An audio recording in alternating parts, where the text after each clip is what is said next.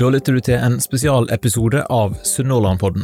Denne episoden er laga i et kommersielt samarbeid med Human AS. Human jobber med å finne og forløse potensialet som ligger i mennesker og organisasjoner. Dette gjør Human gjennom prosesser knytta til lederutvikling og lederrekruttering. Sjekk ut human-as.no for mer informasjon om hvordan Human kan gjøre din virksomhet bedre.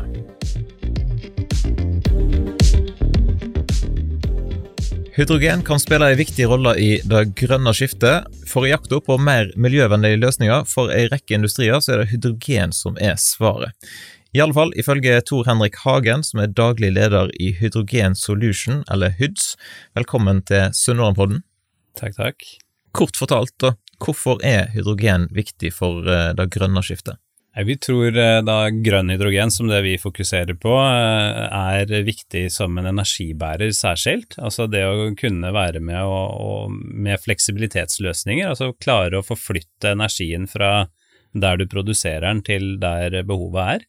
Så vi skal kunne være med å bidra egentlig med en bærer inn i denne ja, kanskje litt sånn utfordrende energisituasjonen vi står i. Eh, og da kan det brukes både inn direkte som en bærer, det, og, og, da som fuel, for eksempel, eller det kan brukes direkte i industriprosesser, eh, og kutte da utslipp. Fortell litt om, om grå, blå og grønn hydrogen. Hva er det som er forskjellen? Ja, i hydrogen er det da viktig å ikke være fargeblind, eh, og der, eh, der vil jo da fargene det, det, spiller egentlig litt sånn bakgrunn bare i hvor hydrogenet kommer fra, hvordan det er fremstilt. For hydrogen i seg sjøl, det er fargeløst. Og hvis du har grå eller litt sånn svart hydrogen, så er det da hydrogen hvor du ikke fanger CO2-en, og som kommer fra dampreformering av gass eller ved utvinning av kull. Eh, blå hydrogen er da når du tar denne dampreformeringen av gass, og så fanger du CO2-en. Eh, mens da grønn hydrogen, som er vårt fokus, der bruker du eh, fornybare energikilder som vann, vind, sol, og så bruker du vannelektrolyse til å da splitte oksygen og hydrogen, og da bruke hydrogenet som energibærer videre. Jeg har forstått det sånn at denne grå eller svarte hydrogen så er det rimelig masse CO2 som kommer i forhold til hvor masse hydrogen du får ut. Ja, det, det har et veldig stort uh, klimaavtrykk, sånn som det er i dag, i de, uh, de uh, mediene det brukes. Det brukes jo i dag stort sett i prosesser, industriprosesser, til fremstilling annet av ammoniakk. så det er kanskje det første og største man kan kutte av utslipp, er jo ved å bruke typ da grønn hydrogen eller blå hydrogen til å overta for disse grå og svarte produksjonsenhetene som er i dag. Men vi ser altså for vår del, med litt sånn skalerbar og lokal tilnærming, så fokuserer vi på dette grønne hydrogenet og bygge opp mindre anlegg og sørge for at vi kan, kan bevise at dette fungerer i liten skala før vi går stort. da. Jeg har forstått det sånn at dere jobber med å tiltrekke dere mer kompetanse til HYDS? Ja, det, det, gjør vi egentlig hele veien. Vi skal i grunnen være et kompetansehus innenfor hydrogen. Så vi utvikler, bygger, eier og drifter anlegg, og med det så kreves det ganske mye kompetanse i alle mulige faser av det. Eh, I utviklingsdelen så, så, er det de som skal være med og sørge for at vi faktisk kan, kan utvikle og bygge nye prosjekter, skal kunne kalkulere, skal kunne eh, sørge for at vi får tomtene som trengs, utvikle prosjektene frem, men samtidig nå i denne høna-egg-problemstillingen i hydrogen i starten, så må man også jobbe med kundegrunnlaget. Når du da har kommet og modna et prosjekt nok til at det faktisk skal bygges, så må vi jo ha folkene som skal være med å bygge det, og byggeledere og eh, og prosjektledere, engineeringslead og, og annet eh, som, som, trengs. Eh, HMS-sikkerhet, veldig viktig aspekt i det hele, eh, både hele veien. Der kreves det veldig mye kompetanse. Eh, vi ønsker å besitte stort sett de som, som ligger, altså ikke nødvendigvis foreløpig, da, i hvert fall, eh, de som utfører bygger ved commissioning, installering og service. Det gjør vi med samarbeidspartnere som Altec Services lokalt her.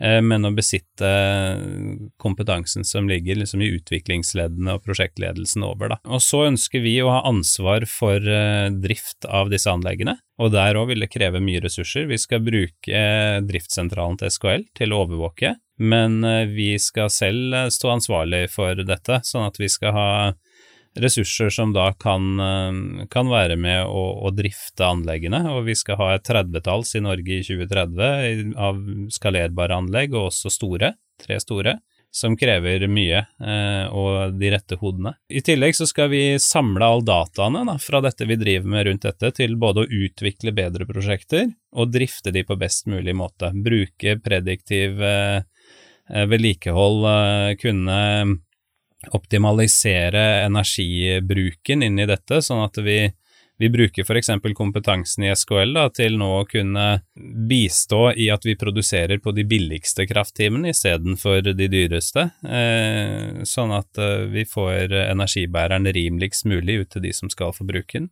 Og i tillegg, nå rekrutterer vi annet en CFO og, for, og en forretningsutvikler. Da vil vi liksom utvikle i de som skal være med å sette bindeleddet rundt dette, være med på risikostyring, kapitalinnhenting, eh, ha kontroll, da, rett og slett. Hvor stort ser du for deg at Hyds kommer til å bli? Vi skal bli store. Vi skal bli en ledende aktør i Norge, og vi skal være med å bite fra oss internasjonalt. Og hvor mange hoder det blir etter hvert, det får vi ta litt etter hvert som veien går. For det, det viktige her, eh, som vi har sett så langt, er at vi kan gjøre veldig mye samarbeid med de rette aktørene som gjør at vi, vi ikke nødvendigvis må ha halve hodene selv, men kan i det som egentlig har blitt veldig gode modeller for samarbeid, da, gjøre det med andre, sånn at man kan spille hverandre gode og dra på hverandres styrker. Vi skal komme tilbake igjen til, til hydrogen og til Hyds, men først er det jo kjekt om folk blir litt bedre kjent med deg, for eh, du har jo avslørt at du ikke nødvendigvis er en innfødt eh, sunnhordlending. Sånn på dialekten iallfall. Ja, dialekten avslører vel det ganske fort. Ja, nei, jeg kommer jo fra Østlandet, eh, nærmere bestemt Spydberg. Har vokst opp der. Eh, vet ikke hvor langt tilbake vi skal dra dette her, men nei, har eh, du, Hvordan liker du å presentere deg sjøl? Jeg liker å introdusere meg selv, eh, gjerne når jeg holder forelesninger og annet, med å, å, vise en del ulike bilder av hva jeg har gjort eh, opp igjennom, og så må de gjette hvem av de som ikke er riktig. Eh, og, og, da har jeg ofte da hatt med meg et bilde av en tømmerhogger, eh, et bilde av en bartender, eh, Trondheim-Oslo, hoppe i fallskjerm. ja, det har vel egentlig vært de som har gått igjen, og, og da spurt hva de tror jeg ikke har gjort av dette her. Og jeg har egentlig gjort det meste av det, bortsett fra å hoppe i fallskjerm. Så jeg har jeg har vært eh, tømmerhogger, linjerydder og anleggsgartner, brukte de pengene, reiste til Kreta og var bartender. Derifra tilbake, og så har jeg vært, også da vært innom Stortinget, det er det jeg bruker å nevne, hvor jeg da gikk derifra og inn og var sikkerhetsoffiser på Stortinget. Eh, mens jeg da senere jobba i KPMG, så sykla jeg Trondheim-Oslo, eh, men har da ikke hoppa i fallskjerm. Og så har jeg hørt rykte om en skytekonkurranse i SKL-regi. ja. Hvordan gikk det? Er det Magne som var innom her og avslørt litt, kanskje? Nei, det... Jeg kan ikke avsløre kildene mine, men Nei. Eh, jo, det gikk bra. Eh, det gjorde det. Det blei vel eh, Det ble en knusende seier. Så... Snakk med luftgevær eller AG3 eller hva? Nei, det var salongrifle. Skiskytervåpen. Stemmer. For du har òg en litt sånn der historie for Forsvaret? Ja, jeg, jeg, har det. Jeg, er, eh, jeg gikk befalsskolen for Sjøforsvaret. Dekksoffiser klasse 5 har med meg derifra, som, eh, og har vært eh, navigatør, da skipssjef på båt i Sjøheimevernet i flere år. Jeg var i innsatsstyrken også en periode. Eh, vært en veldig positiv del, egentlig, av, av oppveksten, eh, det.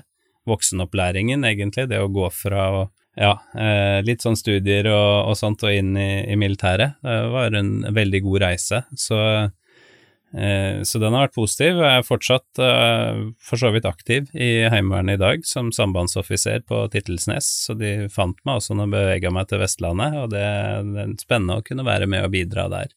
Og Så fikk jeg et spørsmål via LinkedIn. Der var det noe som, som sier at du prøver å hevde deg i lokaloppgjør med løpesko i Håvåsen. Eh, og om du er best der, altså med løpesko, eller som forretningsutvikler? Da er jeg definitivt best som forretningsutvikler. Løping er noe jeg eh, som Altså, jeg fungerer best opp til 200 meter. Uh, og etter det så har jeg, jeg hadde faktisk et løpekurs i regi av KPMG med Ingrid Kristiansen uh, før vi skulle være med på Holmenkollstafetten. Og hvor hun sa at hun ville egentlig ikke kommentere på løpsteknikk, men eh, det hun kunne si, var at de kunne godt se på meg hvis de ville se dårlig løpsteknikk. så eh, jeg tok igjen en del da med bra motorkapasitet på den tiden, men, eh, men løpsteknikk på lang distanse hadde det vært min styrke. Sant. Men du, du liker å trene? Ja, det er en viktig del egentlig for meg å både litt sånn rekreasjon, klarne hodet litt, eh, men også det å ha å opprettholde energinivå. For eh, jeg har alltid vært veldig aktiv. Eh, ved siden av studier og annet så har jeg alltid hatt minst 50 jobb, eh, i tillegg til å være med på mye annet. Eh, og og jobber nok også i dag eh, litt mer enn vanlig arbeidstid, selv om det for meg er veldig viktig at man skal kunne ha work-life balance, og at jeg er holder tiden spesielt mellom eh, tre og åtte hellig for å kunne være med barna mine. Men hvordan ser den treningen ut, altså hva er favoritt? Jeg, nå har siste, siste tilskuddet i dette her, for jeg har egentlig alltid vært sånn uh, inn på alle mulige treningsformer, så siste tilskuddet er surfski lokalt, og en del av Stord surfski, men uh, ellers så har jeg sykla en del, jeg har vært med litt på triatlon, uh, men det som alltid er med meg hele veien er løpesko, for det er veldig enkelt når man er ute på tur eller annet å løpe. Men hva er surfski? Surfski er altså en litt sånn sit on top eh, kajakk, som da ikke har eh, Så hvis du går rundt, som jo jeg absolutt har gjort noen ganger til å begynne med, så samler den ikke vann, du bare vender den rundt, og så renner vannet rent ut, og så kan du klatre opp igjen. Så er litt av tankesettet og at du da skal faktisk kunne surfe på bølgene, da, i tillegg til å padle. Så det passer veldig bra her på Vestlandet, så absolutt en shout-out og et slag for Stord Surfski, som i dag teller fire medlemmer. Der er det plass til flere, rett og slett. Ja, absolutt plass til flere. Du var jo inne på dette med at dere flytter til, til Stord, ja. og noen vil jo tenke at det, eh, det finnes flere muligheter på Østlandet enn her på, på Vestlandet, kanskje. Hva tenkte du om det før dere flytta? Før vi flytta, så var vel det litt av tankesettet mitt, kanskje spesielt innenfor eh, Altså hvis man tenker jobbrelatert, og, og uh, innenfor økonomistillinger, som litt av det jeg kom fra. Uh, men sånn utover det, altså når man tenker liksom natur, muligheter i området og alt sånt, så, så var jeg veldig positiv til Stord. Jeg har alltid vært glad i naturen, og det ser jeg at jeg har mye bedre muligheter for her enn jeg hadde i Oslo. Eh, med både fjord og fjell eh, så tett på, så er det helt topp. Det eneste jeg savner er snø. Så i går så sikra vi oss hytte på Vågsli for å komme, komme, til det. Eh, men, men, sånn jobbmessig så var jeg litt sånn Hva er egentlig mulig å få til her? Og, jeg hadde en veldig god jobb da når vi flytta, så jeg beholdt jobben i Oslo.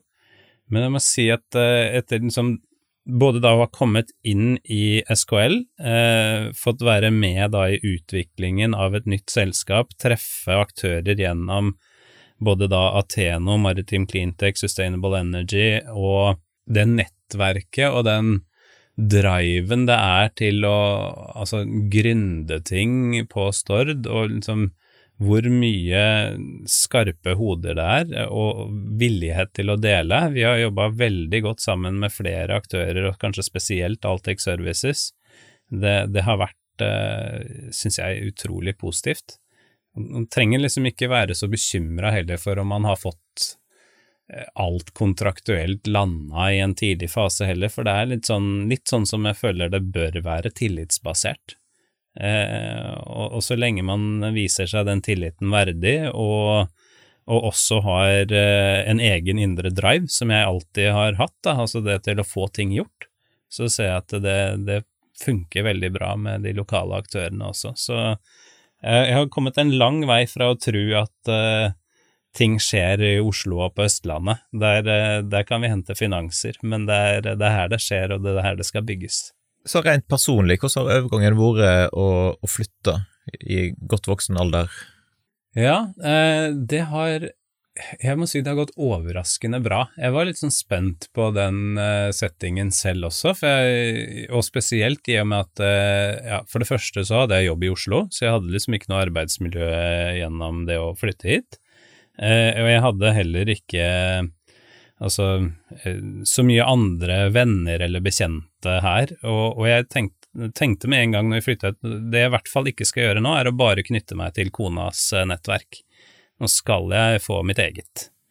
Eh, og mm, jeg prøvde å være litt sånn aktiv ute på, på å kunne treffe folk, vært heldig og, og for så vidt eh, bydd på meg selv, tror jeg, i hvert fall en del sånne sosiale settinger de få en får mulighet til å være i. Og med det altså fått to veldig gode naboer som også er blitt venner, eh, som da er en del av dette Øvre Hovåsen løpelag som du viste til i stad. Det har gått egentlig overraskende greit, og man treffer jo en del gjennom barna, som nå er blitt fotballtrener i trått for eh, eldstemann, og ønsker å være med å følge yngste også inn i både fotball og håndball, som begge er en del av. Og, og miljøet sånn rundt generelt er veldig positivt. Så der hvor flere sa til meg at liksom, Storabuen var litt sånn, ja, kanskje holdt seg til sine egne og ikke var så inkluderende når jeg kom hit, så syns jeg ikke det har vært tilfellet. Det har gått veldig fint å treffe både lokale og, og spesielt da også de som er tilflyttere hit.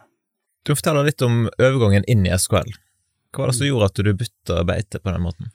Nå var det Det var en periode etter vi hadde flytta hit da, som det fungerte egentlig veldig greit med pendling. Eh, jeg hadde en jobb jeg trivdes utrolig godt i, og det gikk fint å, å holde den jobben. Eh, men hadde, når, når Ludvig, da eldstemannen min, skulle begynne på eh, fotball, og som det begynte å bli enda mer som skjedde i oppfølging av de, så, så kjente jeg litt på at jeg hadde lyst til å være enda litt mer til stede. Ikke reise bort og være borte flere dager i uka, og så bare til stede stort sett i helgene. Så, så det er det som egentlig var sånn bidragsyter til at en begynte å leite litt etter hva alternativene kunne være. Så, så når forretningsutvikler i SKL og som fikk snakka med da Jon Martin og, og med Kjetil og sett på de mulighetene som rår rundt det, så, så syns jeg det virka spennende. Eh, og det har jo vist seg å være til gangs, det å faktisk få lov å som forretningsutvikler, da, å komme veldig kjapt inn og utvikle hydrogenprosjekter som igjen har spunnet ut til et selskap man har fått muligheten til å lede. Hadde jeg, jeg, hadde ikke drømt om at det var en mulighet i, i det man gikk inn i her, og, og det har vært en, en, fantastisk reise som skal bli veldig gøy å kunne følge og, og lede videre. Men hva var det med dette her hydrogenprosjektet som, som trigga deg? Nå har SKL har jo da faktisk holdt på med hydrogen eh, litt sånn tilbake til siden 2012, eh, i ulike former for, eh, for, prosjekter som litt sånn pådriver inn, da, da med et kraftselskapsperspektiv. Og så kom det ut et, et anbud til Heidelberg Felleskjøpet, levere hydrogen til, til, båten de skulle etablere for å frakte da for Heidelberg stein fra Vestlandet til Østlandet, og og for eh, Felleskjøpet korn fra Østlandet til Vestlandet. Så fant vi ut at det hadde vi lyst til å være med inn i, eh, men da måtte vi ha med oss en aktør. Jeg fant da sammen med Liquiline, som han hadde jobba med litt tidligere, innovativt gassteknologiselskap fra Kvinnerad, jobba med LNG og bunkringsterminaler.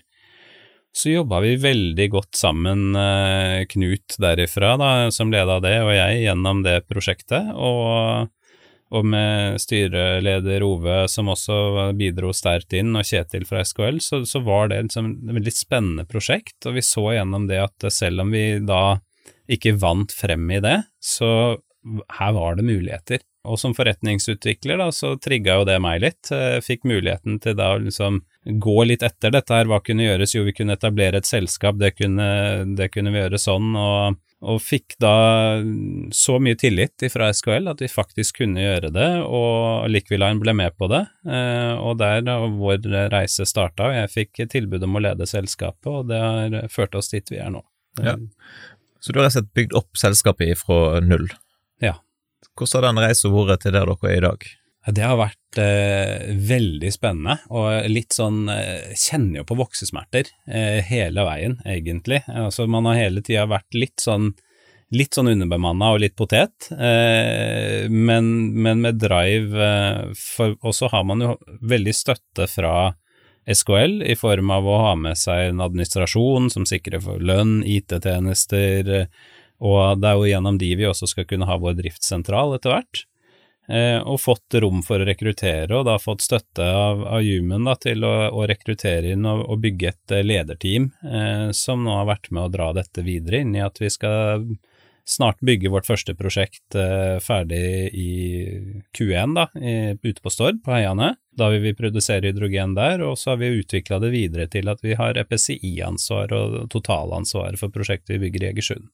Eh, og bygger teamet for å håndtere det, og vi skal bygge veldig mange flere anlegg fremover. Hvis vi går tilbake igjen til hydrogen, da. Det var en som lurte på om du kunne forklare litt om hvor lite er egentlig et hydrogenatom? Oi, oi, oi. Jeg vet ikke om det er inn på revisorutdanningen, eller? Uh, det er ikke en del av revisorutdanningen, men så tok jeg jo uh, jeg tok en, en videreutdanning, uh, et sånt tilskudd gjennom Høgskolen i Vestlandet, da, på introduksjon til hydrogen, så det var jo veldig ålreit å ha med seg i, i, sekken når man skal holde på med det. Men hvor lite det atomet er å forklare det, det er vanskelig. Der, der, skorter nok mine tekniske kunnskaper, og det er jo derfor jeg besitter meg med folk som kan det mye bedre enn meg eh, i selskapet. Men, men, det er så lite, da, det atomet, at eh, det er eh, veldig utfordrende å, å fange det. Det gjør at lagringsmediet og alle elementer du skal ha for å både fremstille og lagre det, må være ekstremt tette for å holde på det. Eh, så sikkerhetsaspektet i dette her er det som vi fokuserer aller mest på i, i, selskapet, og som ligger i ryggmargen i alt vi gjør. Du kalte det for en energibærer. Kan du si litt mer om hva, hva det hydrogenet skal brukes til, eller kan brukes til? Ja, det vi, det vi, ser at det brukes til i dag, og som vi tenker det kan gjøres i enda større grad fremover, da. Altså du, du har det som eh, Du kan bruke det direkte som, eh, ikke som energikilde, men du kan bruke og forbrenne hydrogenet inn eh, i, i, industriprosesser og annet, og det er jo det som i størst grad gjøres i dag. Men når du da eh, Det vi ser på det som, er i all hovedsak da både litt sånn inn til industriprosesser direkte, men mest det at vi da kan fremstille det fra fornybare energikilder, som da ikke er regulerbare, stort sett. Altså du, du, med vind og sol så får du energi når det vind når det blåser og sol når det er sol. Og så, eh, og samme med vann når vannet renner. Og så lagrer vi dette her i, i, form av hydrogen, og da kan vi forflytte det til der behovet er. Og det er det, den energifleksibiliteten vi egentlig bygger litt selskapet sånn sten for sten på i starten nå. At vi, når det er et veldig pressa nett rundt om eh, i hele Norge, eh, og kanskje særskilt også her i Sunnhordlandsregionen, blir utfordrende for mange industriselskaper å å etablere seg og få nettkapasitet til nyetableringer, ja, da kan de komme til oss. En, eh, absolutt en oppfordring til Aker og andre selskaper til å ta kontakt med oss, eh, så kan vi sørge for at vi kan forflytte den energien som de ikke får via nettet i dag, fra steder hvor den finnes, til de form, i form av hydrogen og brenselcelleaggregater. Så det er også dette innestengt kraft? Ja, det er også noe av det vi ønsker å fokusere en del på, og som har mye med det samme å gjøre. Altså, det med vannkraft, eh, kanskje særskilt, da, som du ikke produserer på i dag, fordi at du har ikke noe nett, altså noe nettkapasitet til å forflytte energien ut. Eh, til, eh, og da kan vi bygge opp disse vannkraftanleggene. Vi ser på tre av de i dag sammen med SKL og, og Småkraft og, og flere muligheter utover det òg, hvor vi da kan bygge opp og produsere direkte til hydrogen som bærer, istedenfor linjenettet, og så forflytter vi det til aktører som har behov for energi, og de har vi flere av vi snakker med, da. Kan være eksempelvis landbasert oppdrett som trenger energi, eller, eller oppdrettsselskaper nå som merdene blir flytta lenger og lenger ut i, i eh, sjø så er det ikke like lett å elektrifisere med landstrøm, da kan vi bytte ut dieselaggregatene deres med hydrogenaggregater, eksempel.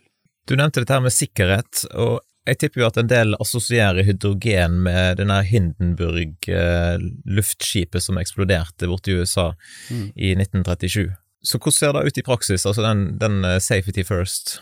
Ja, i praksis så, så, ser det ut sånn at uh, vi kjører veldig omfattende prosesser ifra vi i tilbudsfase ser på et prosjekt, vurderer eh, design av, av anlegget, ser på hvordan skal vi sørge for at dette her er, eh, er trygt. Vi bruker eh, ja, støtte da fra, fra tredjeparter som Gexcon Safetech til å hjelpe oss med å analysere anleggene våre sånn som vi designer de. Eh, og så ønsker vi å standardisere, så vi kan gjøre dette her standard, men i, i disse første så er det liksom veldig fokus på å få både andre- og tredjeparts godkjent eh, anleggene på å få kontroll på det. Eh, I design og i byggefase. Eh, I tillegg så skal vi drifte de, så vi vil ha et kjempefokus på hvordan vi kan bygge inn overvåkning og annet for å ha kontroll på at eh, eh, vi klarer å holde da, dette lille atomet på, plass, på plasser der vi vil ha de, Eh, og at det ikke skal være lekkasjer. For blir det lekkasjer, så er det for så vidt både veldig lett antennelig eh, og, og, kan føre til eksplosjoner. Så, så, derfor så er det ekstremt viktig at man har fokus på sikkerhet, og at det kommer absolutt først. Du må forklare litt om verdikjeden som dere bygger opp. Hvordan skal dette fungere i praksis?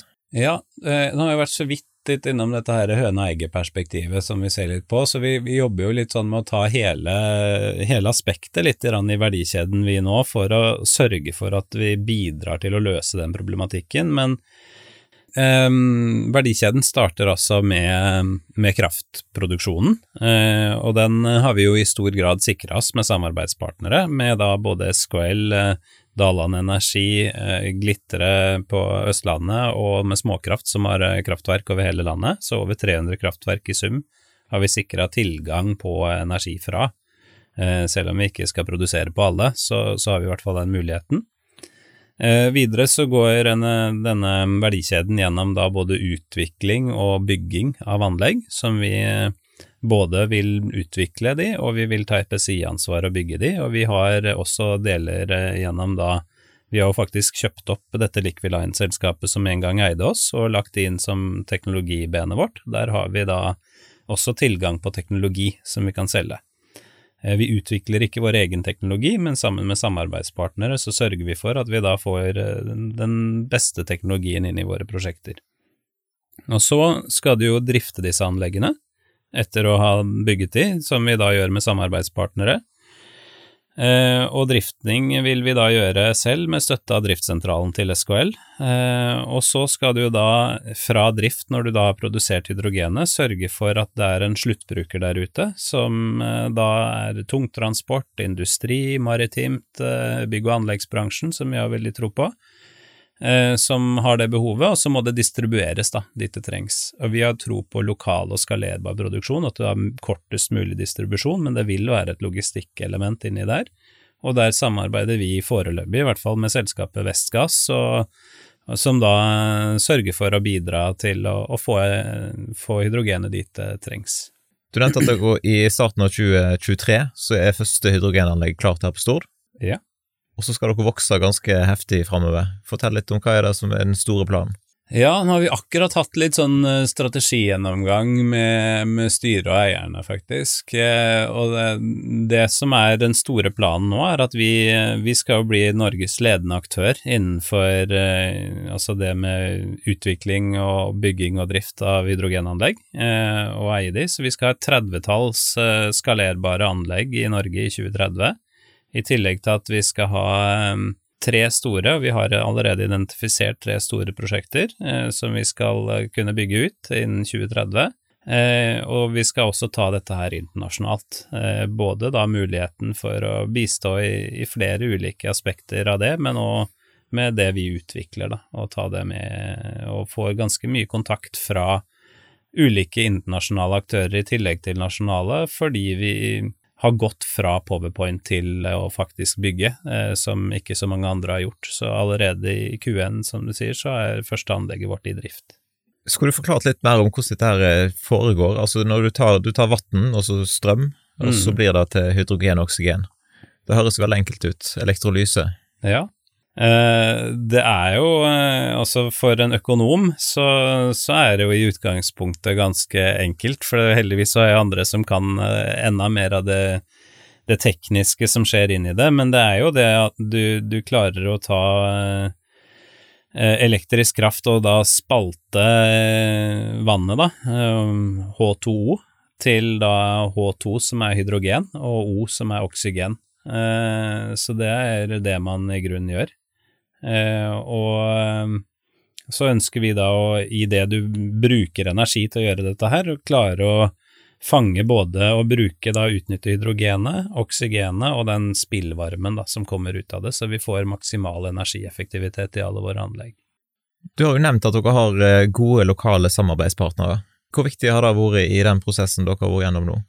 Nei, det har vært eh, Jeg kan egentlig si det er jo helt avgjørende å ha disse gode lokale samarbeidspartnerne. Eh, det gjør at vi kan, eh, vi kan ha fokus på å bygge organisasjonen vår der vi er sterke, og så kan vi bidra til å bygge de sterke der de allerede er det, og så kan vi, kan vi vokse sammen. Og det er det som har vært veldig positivt inn i dette. Så vi har henta utrolig mye kompetanse, vil jeg si, lokalt fra, og kommer til å fortsette med det, om det er liksom alt fra støtte til uh, hjemmesider fra byrået Sydvest, uh, støtte nå i det siste på noe fra Skag der også, og uh, bistand på juridisk fra Borgen, spesielt godt klyngesamarbeid og sånt, Maritim Cleantech og Aten og Sustainable Energy. Altså veldig mange gode samarbeidspartnere inn, altså, og, og, men når det nå liksom kommer til liksom core det vi jobber med, så har eh, Altex Services med da både bistand innenfor engineering og nå commissioning, installering i de første anleggene vært veldig viktig, og de skal bidra sterkt på, på servicesiden. Og sammen med de og, og SKL eh, og ansatte gjennom eh, både administrasjonen der og, og driftssentralen, så er vi godt skodd for å kunne fylle på enda mer i vårt selskap nå i videre vekst. Da. Det er jo sånn at noen store industriaktører som trenger kraft, de erfarer da at en sliter med kapasiteten i strømnettet, mm. stemmer ikke det? Jo. Og det var dette du, eh, du pitcha inn til Aker, at dette kan dere fikse? Ja, eh, vi ser jo ned at eh, nå kommer det nok ganske snart, og, og, det er jo allerede litt sånn at når man skal søke linjenett eh, og, og, kapasitet på over en megawatt i effekt, så, så må søknadene gå helt til Statnett for godkjenning. Og, og, før man i lokalt i området her får opp ny sentralnettstrafo, så um, sikkert tar en del år eh, fremover fra nå. Eh, eh, de sier vel kanskje 2029 eller noe, men det, de må ikke ta meg ordrett på det, og sånne prosjekter kan jo fort skyves litt, selv om det er fokus på energisikkerhet nå. Eh, men det vi ser, er at vi da virkelig kan være med å bidra inn i dette, fordi selv om nettet er pressa og du ikke får det ut en del plasser, så er det ganske mange steder som vi er godt kjent med, da, sammen med kraftaktørene som vi har i ryggen, hvor det er kapasitet i nettet.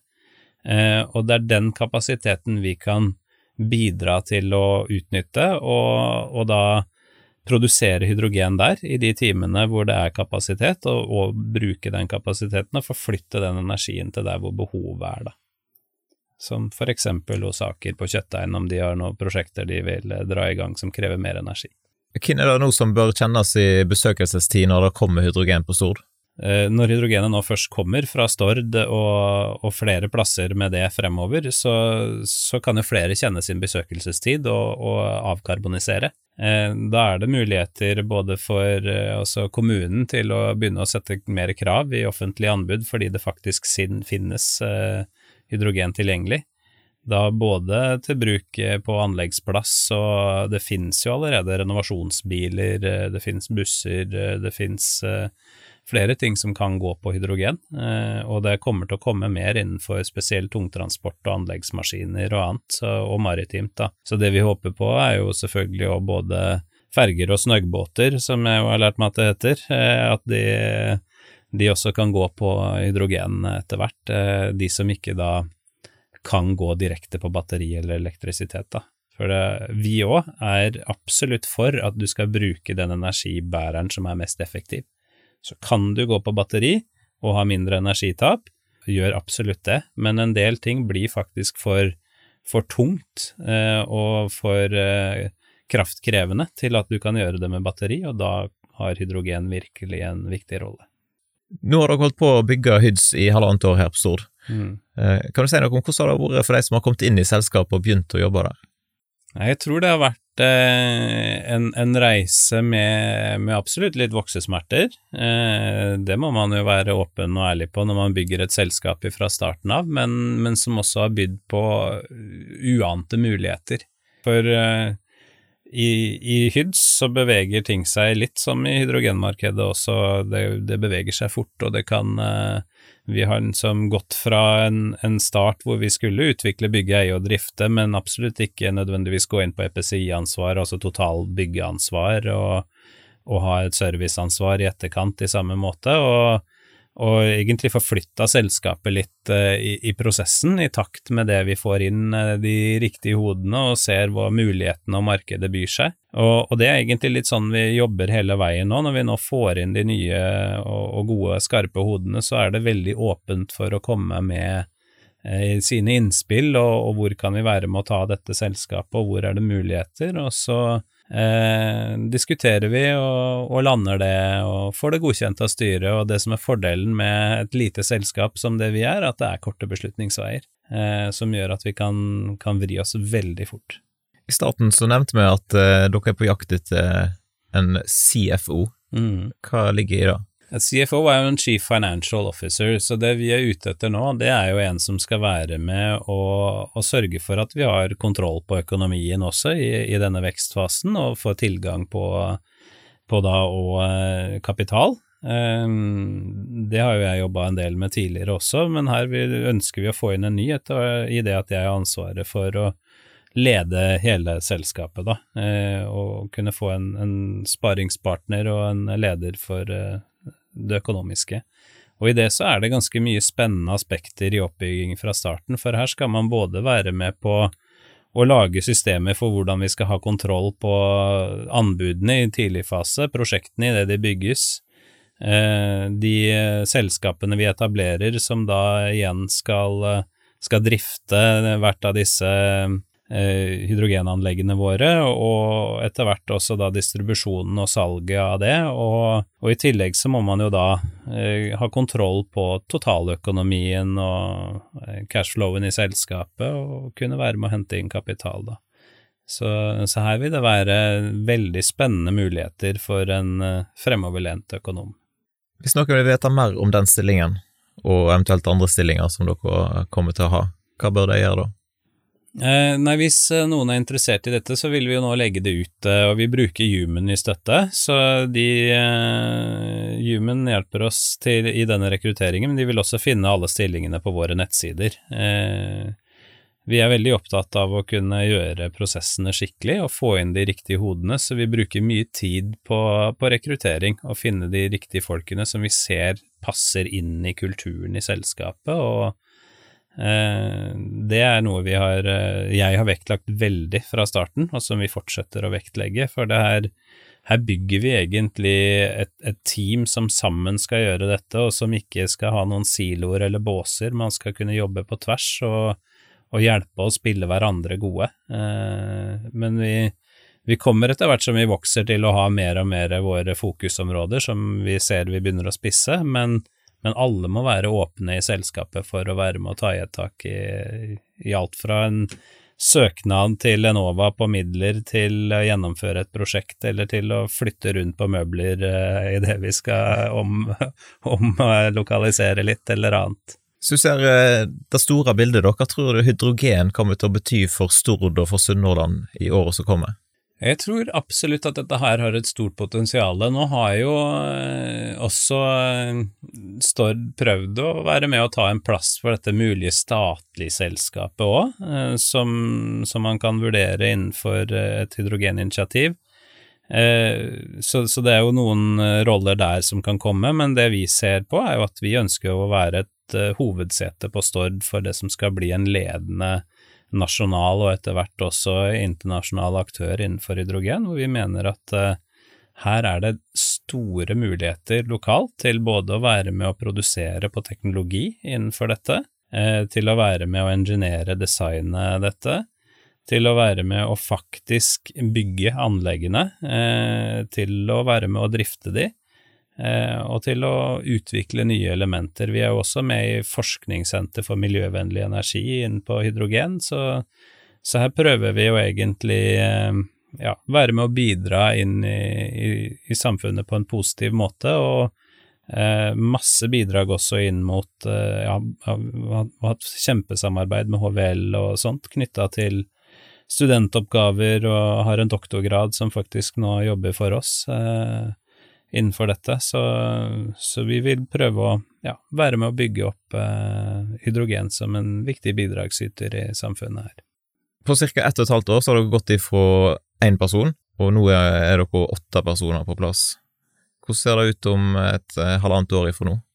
Om halvannet år ifra nå så er vi nok eh, i hvert fall dobla, om ikke tredobla. Eh, om eh, jeg eller noen andre fra HYDS kommer tilbake hit og snakker med deg om et års tid, så skal du se at det har skjedd ganske mye spennende. Vi sitter midt oppi en del eh, veldig interessante ting, eh, både på samarbeids- og mulig investorside, så det her tror jeg kan bli en vekstreise av dimensjoner.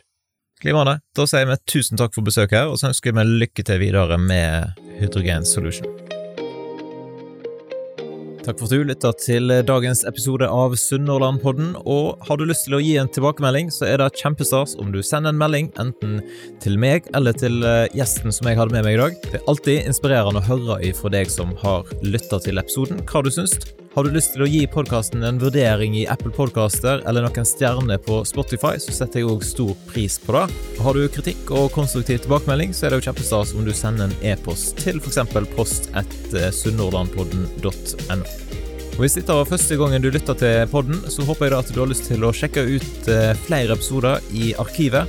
Det er så mange gode folk fra Sunnhordland som har vært innom studio og delt om det som de brenner for. Og Jeg håper da at du har lyst til å slå følge med podkasten i sosiale medier. Du finner oss på Instagram og på Facebook.